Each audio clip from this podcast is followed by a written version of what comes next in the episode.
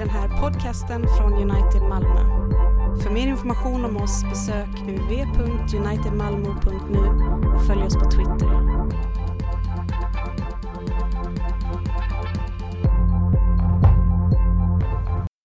Hör Herrens ord. Vi lyssnar till denna söndagens gammaltestamentliga text från Sakarja 14, verserna 69. Den dagen ska det inte längre finnas någon kyla eller frost. Det ska vara en ständig dag. Herren vet när den kommer och ingen växling mellan dag och natt, utan när kvällen kommer ska det vara ljust. Den dagen ska friskt vatten strömma ut från Jerusalem, hälften mot Östra havet och hälften mot Västra havet. Sommar och vinter ska det vara så, och Herren ska vara konung över hela jorden. Den dagen ska Herren vara en och hans namn ett enda. Så lyder Herrens ord.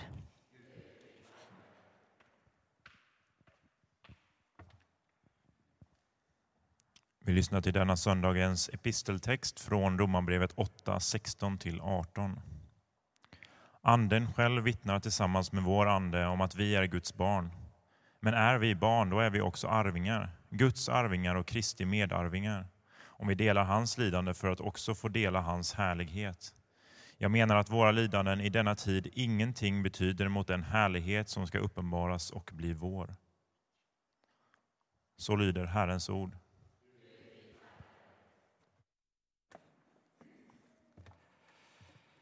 Upplyft era hjärtan till Gud och hör dagens heliga evangelium enligt evangelisten Johannes. Jesus sa, när Hjälparen kommer som jag ska sända er från Fadern, sanningens ande, som utgår från Fadern, då ska han vittna om mig. Också ni ska vittna, ty ni har varit med mig från början. Detta har jag sagt er för att ni inte ska komma på fall. De ska utesluta er ur synagogorna. Ja, den tid kommer då den som dödar er tror sig bära fram ett offer åt Gud. Och detta ska de göra därför att de inte har lärt känna Fadern och inte heller mig. Jag har sagt er detta för att ni, när den tiden kommer, ska minnas att jag har sagt det. Så lyder det heliga evangeliet. Lovad vare du, Kristus.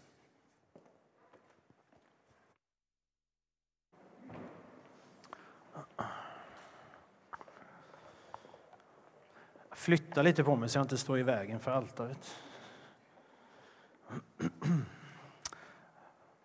Ja, idag är det sjunde söndagen i påsktiden, eller söndagen före pingst som den också kallas i Svenska kyrkan, kyrkoår. Vi befinner oss alltså tre dagar in i det som kallas för pingstnovenan. Pingstnovenan är de där nio dagarna i glipan mellan de här stora högtiderna som vi precis en av vi har firat, då, Kristi himmelfärdsdag i torsdags och så nästa söndag pingstdagen. Och eftersom min predikan här idag kommer att vara så enormt mycket kortare än vad ni är vana vid så tänkte jag faktiskt ta tillfället i akt att berätta en liten anekdot som inte har någonting med saken att göra, men jag tar den i alla fall för att fylla ut tiden lite. Eh, det var så att ni vet när Sverige skulle, när nationaldagen skulle bli en helgdag, det är ju x antal år sedan nu då, då, eh, då ansåg staten så här för att, liksom att samhällsekonomin inte skulle raseras fullständigt så måste ju en annan helgdag då vika för den här nya. Och då fick Svenska kyrkan naturligtvis frågan hur man tänkte kring vilken dag som kunde offras, så att säga. Eh, och då blev det snabbt två som, man var, som var de enda aktuella och det var annandag pingst och så var det Kristi himmelsfärdsdag. Och när diskussionen då kom upp i kyrkomöte så argumenterade de flesta då för att annandag pingst skulle tas bort för det var inte riktigt lika viktigt, då menade man. Men så fanns det ändå de som tyckte att Kristi himmelfärdsdag skulle man nog kunna ta bort istället. Och så menade man att den festen den skulle man kunna fira då på följande eh, lördag istället, precis som man gör med alla helgons dag. Och ett sådant beslut det hade gjort Svenska kyrkan fullkomligt unik i kristenheten, för då hade Svenska kyrkan varit den enda kyrkan där Jesus upptogs till himlen 42 dagar efter sin uppståndelse istället för 40. Nu blev det annandag pingst som fick stryka på foten. Och det var ju bra, för hur unik som helst vill man kanske inte vara. Ja, tillbaks till pingstnovenan, de här nio dagarna mellan de stora högtiderna. Det gör ju också att den här söndagen blir en slags klämdag. Det är en slags mellansöndag. Som för de flesta svenskar det blir ju liksom en skön långhelg där man är lite ledig sådär och man kan lägga i båten eller påta i sin trädgård eller köra skräp till tippen beroende på vilka böjelser man har. Och för oss som kristna så blir den här klämsöndagen i kyrkåret, den är ju så diffus i kyrkåret så den har liksom fått namn från söndagen som kommer pingstdagen, då, söndagen före pingst. Men om vi funderar lite på det så är det ju faktiskt så att det här är verkligen en söndag som, som ger en, en tydlig bild av en aspekt av vårt kristna liv. För det som är i fokus idag, det är väntan. Jesus har tagits upp till himlen.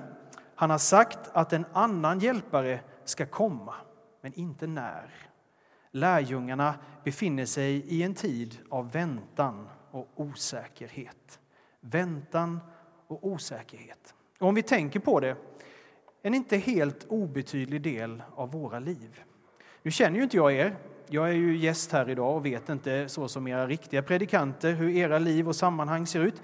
Men jag vet att oavsett hur unik man är, till och med om man är så unik som Svenska kyrkan höll på att bli, så är man inte så unik att ens liv inte också präglas av väntan och osäkerhet. Och så mycket vet jag ju om er och er församling att just väntan och kanske också en viss osäkerhet är det aktuella läget. Vad händer under hösten i väntan på att predikanter ska prästvigas? Vad innebär den här processen av ett närmande till en episkopal struktur? Väntan och kanske också en viss osäkerhet. Det finns saker vi kan veta genom att gå till det bibliska vittnesbördet för att få vägledning och hjälp i tider av väntan och osäkerhet. Det absolut första vi ska försäkra oss om det är att det är en tid given av Gud. Gud lät det gå nio dagar innan Anden sändes till världen. Nio dagar är ju ingenting, tänker vi. Men det visste ju inte lärjungarna där och då, där de satt tillsammans i ett låst rum och väntade. Vi vet inte heller alltid hur lång väntan blir. Men vi vet två saker. Vi vet för det första att det är en tid given av Gud och för det andra, den tar slut. Men vad ska då göras under väntans tid? Vi går till det bibliska materialet för att se. Jesus nämner i evangeliet idag flera saker vi ska göra när hjälparen kommer. Men innan han kommer, vad ska vi göra då? Jo, vi ska öva oss i tillit och förtröstan. Vi ska öva oss i något sånt fint som saktmod. Öva oss i att stå emot den frestelse som hela tiden hotar oss och som säger jag vill ha allt och jag vill ha det nu.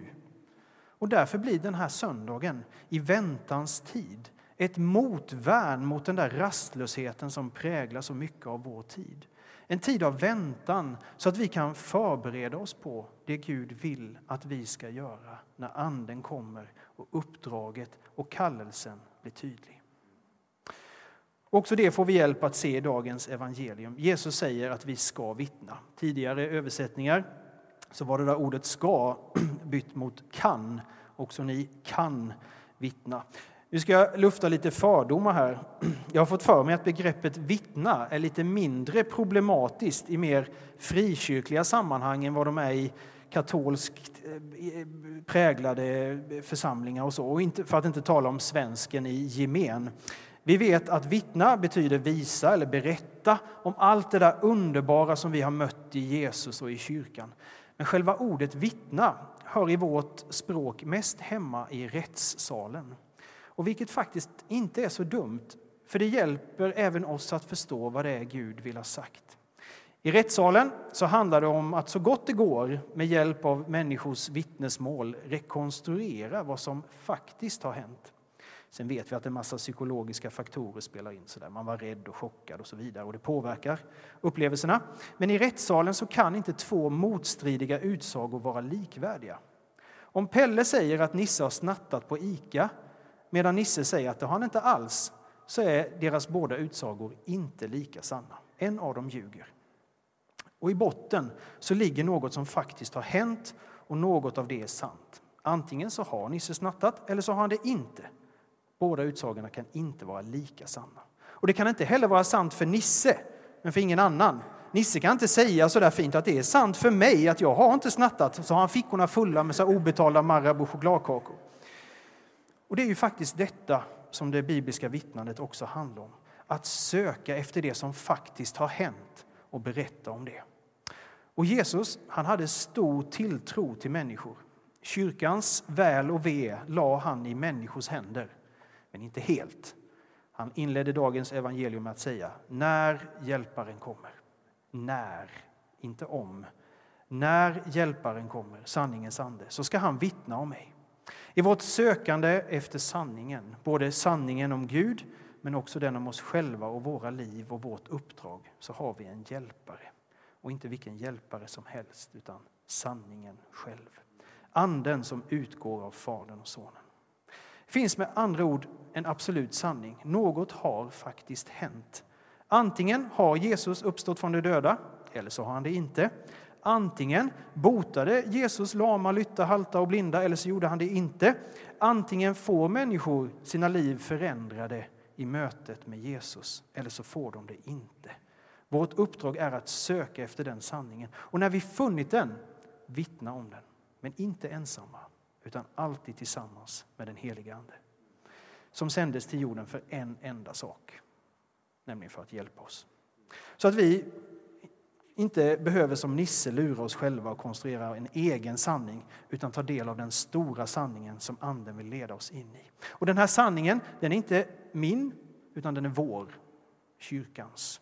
Det är kyrkan som har fått löftet om att hela sanningen ska uppenbaras. Och det är kyrkan som förvaltar denna sanning. Och kyrkan, det är vi. Vi som kommer samman likt lärjungarna i det där låsta rummet när deras liv var så där präglat av osäkerhet. Då samlades de till ett.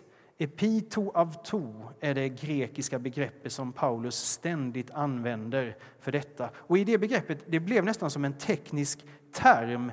För i det där begreppet så ligger det att komma samman för att fira eukaristin. Det finns tydligen endast ett säkert sätt att härbärgera tider av väntan och osäkerhet. Både som församling, men också som enskilda. Och det är att komma samman till ett. Att fira mässa i församlingens gemenskap. Att vara där, där Anden är, där Hjälparen är. Idag ger Gud oss en söndag som präglas av väntan och osäkerhet. Och han gör det för att han vet att sådana är också våra liv. Och han gör det för att vi ska öva oss i tillit och förtröstan på hans löften. Löften om en hjälpare. Och han gör det för att vi ska förstå att vi behöver varandra. Att vi behöver församlingsgemenskapen som kommer samman till ett för att vittna om sanningen. I Jesu namn. Amen.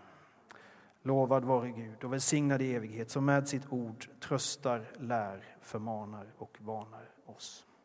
Amen.